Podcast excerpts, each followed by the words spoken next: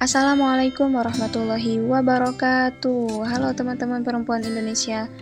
Apa kabar semuanya? Aku doakan selalu sehat, tanpa kekurangan suatu apa pun ya. Tetap jaga kesehatan dan imunitasnya karena kita masih berhadapan dengan pandemi yang melanda negeri ini. Selamat datang kembali di ruang dengar podcast teman dengar kita.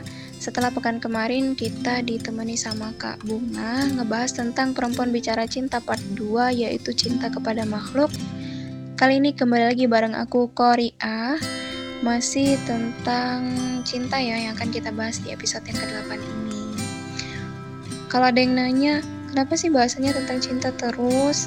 Nah, teman-teman, karena bahasan cinta itu luas sekali kita berusaha untuk menghadirkan penjelasan tentang cinta itu sendiri dari berbagai sudut pandang sehingga kita bisa memaknai seutuhnya cinta itu berikut dengan fitrahnya seperti apa.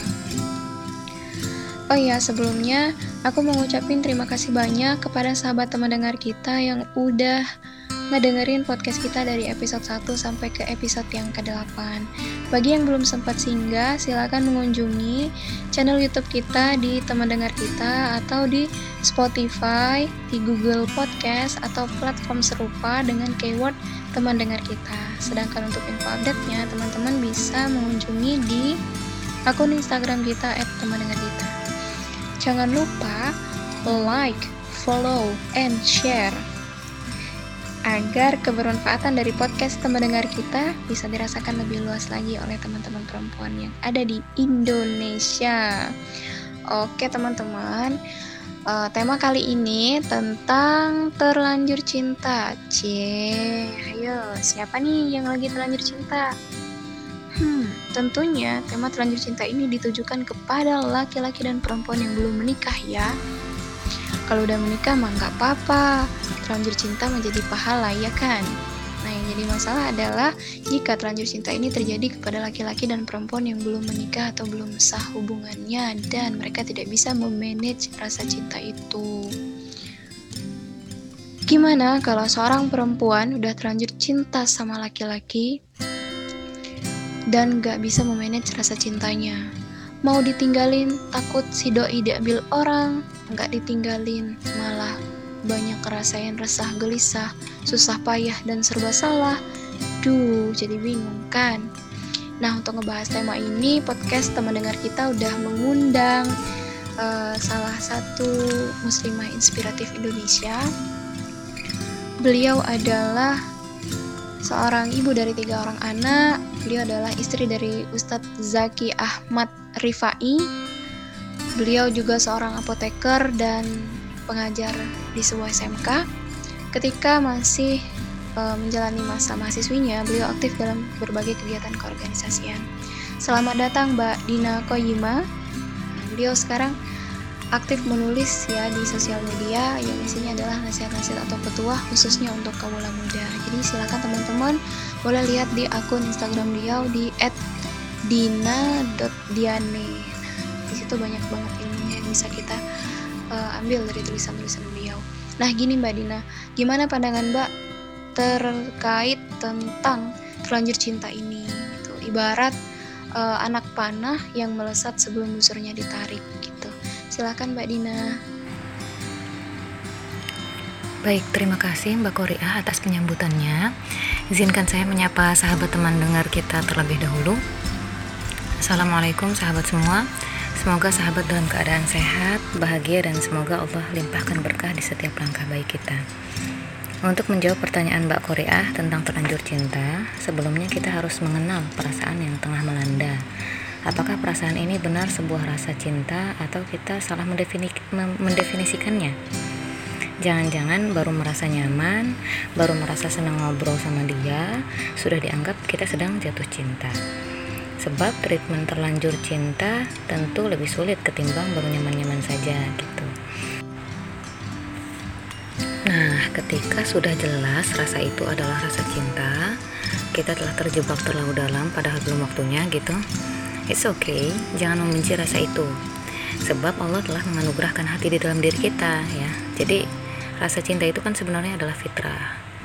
Terus jika terlanjur cinta gitu ya, ya rasa itu sebenarnya nggak salah karena kan tadi Allah sudah menganugerahkannya ya itu adalah fitrah gitu. Jadi rasa itu nggak salah. Yang salah apa dong? Yang salah adalah pengambilan sikap kita dari rasa tersebut.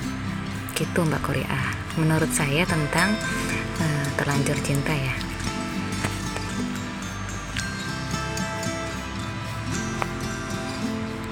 Uh, saya tertarik sekali ketika Mbak tadi menyampaikan bahwa ada perbedaan antara ketika kita baru merasa nyaman dan udah terlanjur cinta tadi. Apa sih Mbak yang menjadi pembatas antara kedua perasaan itu? Gimana sih caranya ngebedain antara rasa cinta yang sesungguhnya sama baru nyam, baru merasa nyaman-nyaman aja? Ini sebenarnya bakal panjang kalau ngomongin definisi cinta, tapi simpelnya gini.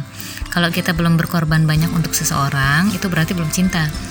Karena cinta menyita segalanya kan perhatian, waktu, pikiran, perbuatan untuk orang yang kita cintai.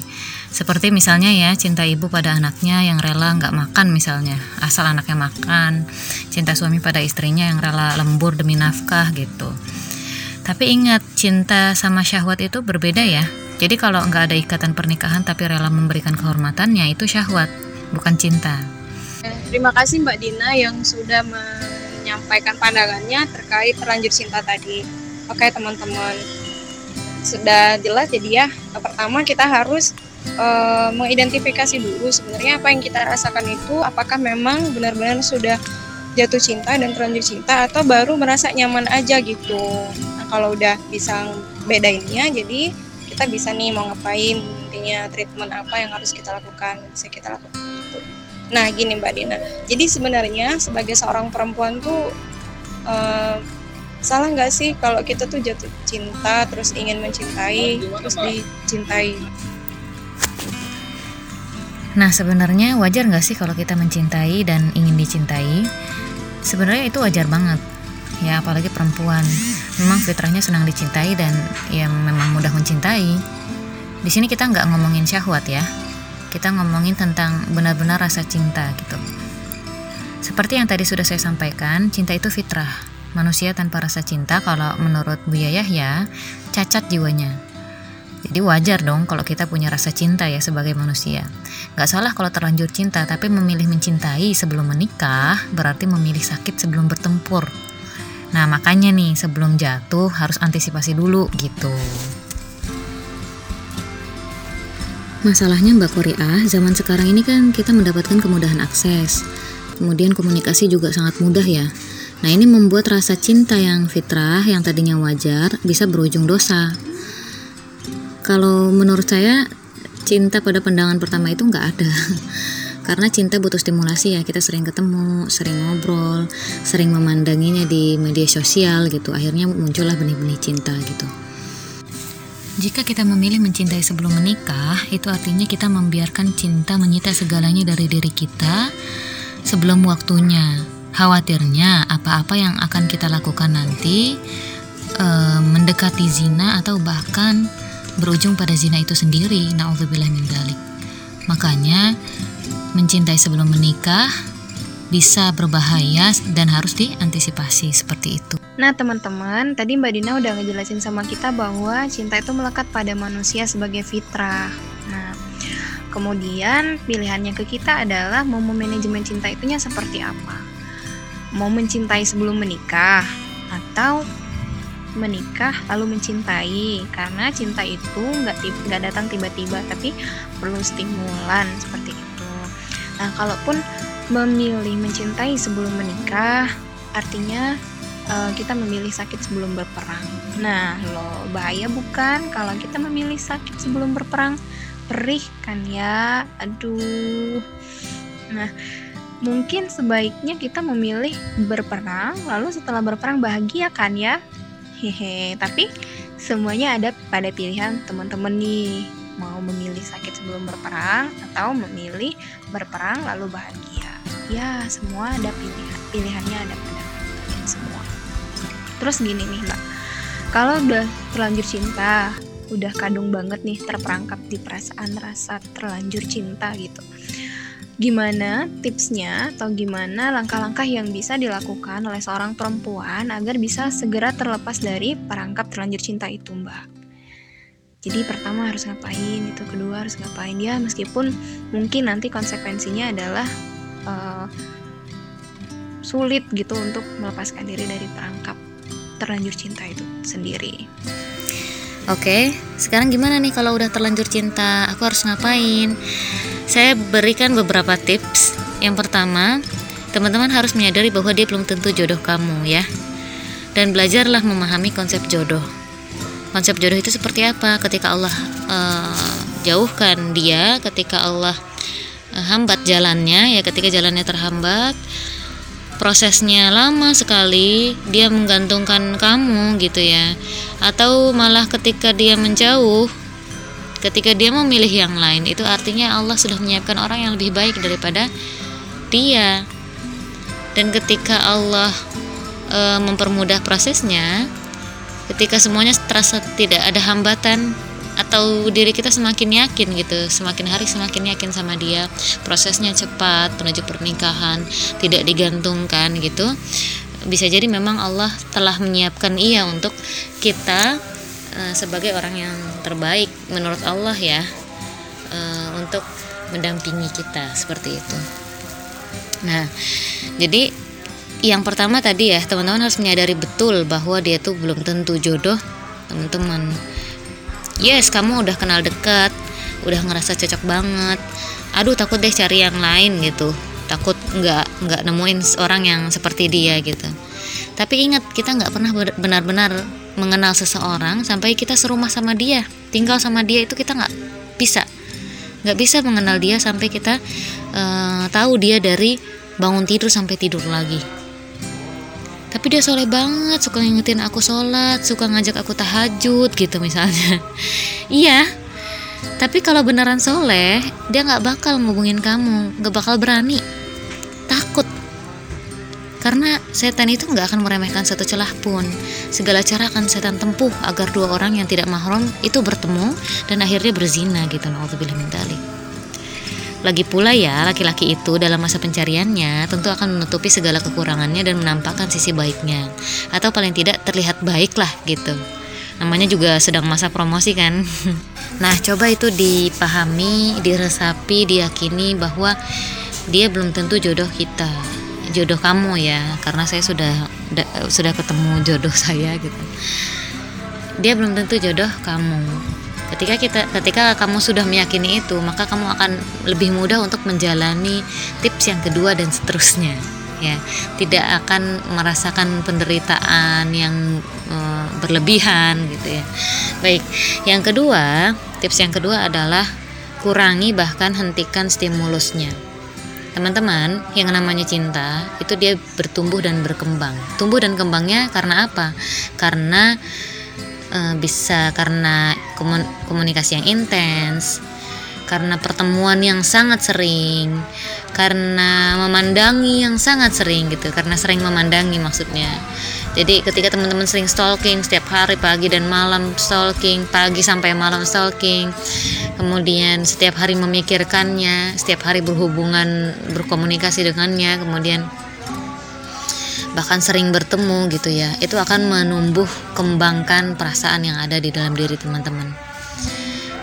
Kalau teman-teman yakin ya ingin melepaskan diri dari jerat rasa itu gitu ya agar tidak terlalu terlalu terlalu terlalu larut gitu maka yang harus teman-teman lakukan adalah menghentikan stimulusnya jangan komunikasi intens komunikasi sekedarnya aja tapi biasanya kalau kita sudah terlanjur cinta, komunikasi biasa itu pasti lama kelamaan akan intens lagi pada akhirnya gitu, ya.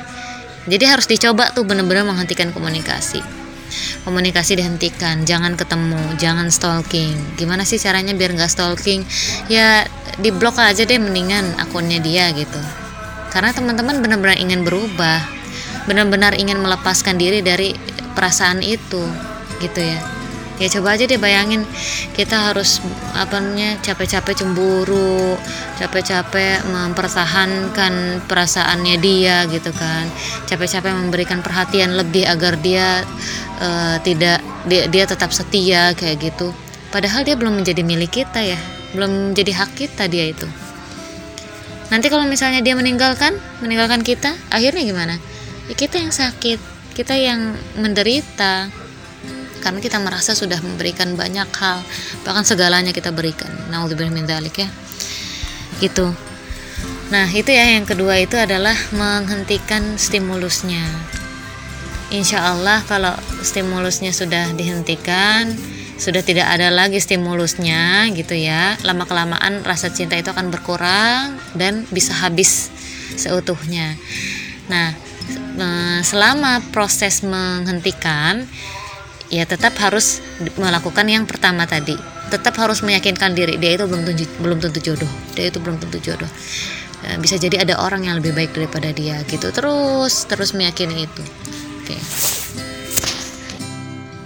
seperti syair Ibnu Qayyim al-Jauziyah disebutkan di dalamnya, setiap bencana berawal dari pandangan mata, sebagaimana api yang besar berasal dari percikan bara. Berapa banyak pandangan sanggup menembus relung hati, seperti kekuatan anak panah yang lepas dari busur tali. Seorang hamba selama mengumbar pandangannya untuk memandang selainnya, selain Allah, maka dia berada dalam bahaya. Ia menyenangkan mata dengan sesuatu yang membahayakan hatinya, maka janganlah menyambut kesenangan yang akan membawa bencana. Ya jadi kalau kita merasa senang memandangnya ya padahal itu membawa bencana bagi kita ya sebaiknya tidak tidak usah di tidak perlu memandangnya gitu ya. Karena itu akan membahayakan kita sendiri. Yang terakhir adalah memasrahkan diri kepada Allah meningkatkan cinta kita kepada Allah agar cinta yang lain yang ada di dalam hati kita semakin mengecil ya jadi kita pasrahkan kepada Allah, kita berdoa, ya Allah, apabila ia baik untukku, untuk keluargaku, untuk urusanku, untuk agamaku, maka dekatkanlah ia. Apabila ia buruk, ia tidak baik untukku, untuk keluargaku, untuk urusanku, untuk agamaku, maka jauhkanlah ia gitu. Kita memohon kepada Allah. Karena tadi yang pertama ya karena yang pertama kan tadi kita sudah meyakini bahwa jodoh itu ada di tangan Allah. Bahwa dia belum tentu jodoh kita gitu. Maka kita berdoa seperti itu. Kita pasrah kepada Allah dan kita mengharapkan cinta Allah. Kita mengharapkan uh, hati kita dipenuhi cinta kepada Allah gitu ya agar cinta kita kelak yang kepada mm, cinta cinta kita kelak gitu ya kepada suami kita kepada pasangan kita itu berlandaskan atau berdasarkan cinta kepada Allah seperti itu. Oke sahabat teman dengar kita sudah disimak Tadi kan penjelasan dari Mbak Dina bahwa ada beberapa hal yang bisa kita lakukan agar keluar dari perangkap terlanjur cinta. Yang pertama adalah menyadari bahwa seseorang yang sudah terlanjur dicintai belum tentu menjadi jodoh kita. Kemudian yang kedua, hilangkan stimulusnya. Jangan dipancing-pancing gitu loh rasa terlanjur cintanya itu ibarat seekor ikan itu nggak akan nyamperin pancing kita kalau nggak dikasih umpan seperti itu terus yang ketiga adalah menjaga pandangan kalau pandangan itu membawa bencana maka sebaiknya tidak untuk memandang kemudian yang keempat adalah memasrahkan diri kepada Allah Subhanahu Wa Taala jangan sampai rasa cinta kita kepada dunia itu lebih besar daripada cinta kita kepada Allah Subhanahu Wa Taala oke sahabat teman dengar kita maka tidak ada satu jembatan pun yang diperbolehkan untuk memberikan ruang terlanjur cinta itu diekspresikan ya sebelum pernikahan itu terjadi. Nah, kadang-kadang kita dihadapkan pada uh, istilah-istilah itu yang digaungkan oleh beberapa kelompok anak muda yang mereka menyebutkan menyebutnya dengan istilah pacaran Islami. Untuk menjembatani rasa terlanjur cinta itu tadi agar bisa terekspresikan tapi dibalut dengan kata-kata islami.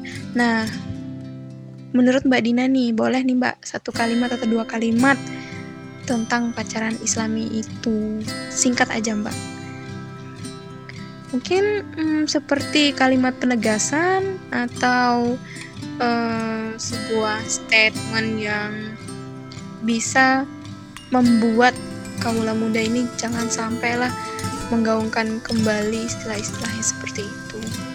Silakan, Mbak. Buat kamu yang yakin bahwa kamu bisa menjalani pacaran secara islami, saya cuma mau bilang, setan kok kamu tantangin. Udah gitu aja. Wah, keren banget ini kalimat dari Mbak Dina yang bakalan terngiang-ngiang di telinga para kaula muda yang sok-sokan menyebut istilah pacaran yang islami hanya karena untuk melampiaskan ekspresi cintanya yang belum seharusnya. Apa kalimatnya? Saya izin mengulangi ya Mbak Dina ya. Kalimatnya tadi adalah setan kok kamu tantangin. Nah, udah kebukti kamu yang selalu menang melawan setan atau justru malah sebaliknya setan yang selalu menang melawan kamu? Hayo. Itu ya teman-teman ya. Jadi mudah-mudahan apa yang sudah kita bahas lewat podcast teman dengar kita episode kali ini uh, kembali meyakinkan kita bahwa memaknai cinta sebagai fitrah itu adalah dengan mengekspresikannya pada saat yang tepat dan tujuan yang tepat. Jangan sampai mulianya cinta yang Allah turunkan kepada kita kaum perempuan justru malah menjadi tidak mulia karena kita salah dalam mengekspresikannya. Mengekspresikan cinta hanyalah diperbolehkan jika hal itu tidak bertentangan dengan syariat Islam, yaitu sebagai perwujudan dari rasa kesyukuran dan penghambaan kita hanya kepada Allah Subhanahu wa taala. Oke teman-teman, uh, terima kasih banyak udah ngedengerin podcast kita ya. Uh, jazakillah khairan kepada Mbak Dina Fahima yang udah berkenan sekali lagi terima kasih banyak Mbak di tengah kesibukan-kesibukannya masih sempat singgah ke podcast teman dengar kita untuk berbagi pengalaman di sini. Pertanyaan terakhir tadi menjadi pertanyaan penutup di episode kali ini di podcast teman dengar kita. Uh, Mudah-mudahan bisa bermanfaat buat kita semua ya. Kalaupun kita udah uh, meyakini bahwa terlanjur cinta itu tidak boleh dan tidak terjadi pada diri kita sendiri, artinya alhamdulillah. Tapi tidak selesai di situ. Kita punya tanggung jawab terhadap saudara-saudara kita yang perempuan, terhadap teman-teman kita, terhadap komunitas-komunitas kita untuk saling mengingatkan bahwa uh, rasa terlanjur cinta kepada lawan jenis yang belum diikat dengan tali pernikahan itu tidak dibenarkan untuk diekspresikan. Mari memanajemen cinta dengan baik dengan mengutamakan cinta kita kepada Allah Subhanahu wa taala. Kepada Mbak Dina, jazakillahu khairan kasiran sudah singgah di podcast teman dengar kita untuk berbagi ilmu, memberikan motivasi dan menginspirasi kita semua. Semoga Mbak Dina dan keluarga Allah curahkan nikmat sehat, nikmat iman dan nikmat Islam hingga uh, kelak kita kembali dikumpulkan oleh Allah Subhanahu wa taala di surga yang telah dijanjikan. Baik, terima kasih Mbak Korea. Uh, penutup dari saya untuk teman-teman semua apa yang sudah saya sampaikan ini adalah buah dari pengalaman yang begitu singkat dan pengetahuan yang begitu terbatas. Tapi semoga dapat menginspirasi teman-teman semua untuk uh, melepaskan diri dari jerat virus ini begitu ya yang dapat me menghambat produktivitas teman-teman dapat menurunkan kualitas teman-teman gitu. Semoga yang sedang berjuang Allah berikan jalannya dan Allah kuatkan Allah lapangkan hatinya. Dan semoga Allah berkahi setiap langkah perjuangannya. Nah, insya Allah apa yang teman-teman perjuangkan sekarang akan mengantarkan teman-teman menuju iya ya jodoh teman-teman yang uh, sudah Allah siapkan yang sudah Allah berikan kebaikan di dalam dirinya begitu Ya, saya cukupkan sampai di sini. Mohon maaf apabila banyak sekali kekurangan. Nah, segala kebenaran dan kebaikan datangnya dari Allah. Saya tutup. Oh ya, saya ucapkan terima kasih ya banyak sekali kepada Mbak Korea sebagai host ya. Nah, dan teman-teman semua yang sudah mendengarkan. Saya tutup. Assalamualaikum warahmatullahi wabarakatuh. Sahabat teman dengar kita, akhirnya kita berada di penghujung podcast episode kali ini. Kami dari segenap tim pengelola mengucapkan mohon maaf jika ada kesalahan dan kehilafan. Selamat mendengarkan, selamat melanjutkan aktivitas, dan semoga bermanfaat. Akhirul kalam. Wassalamualaikum warahmatullahi wabarakatuh.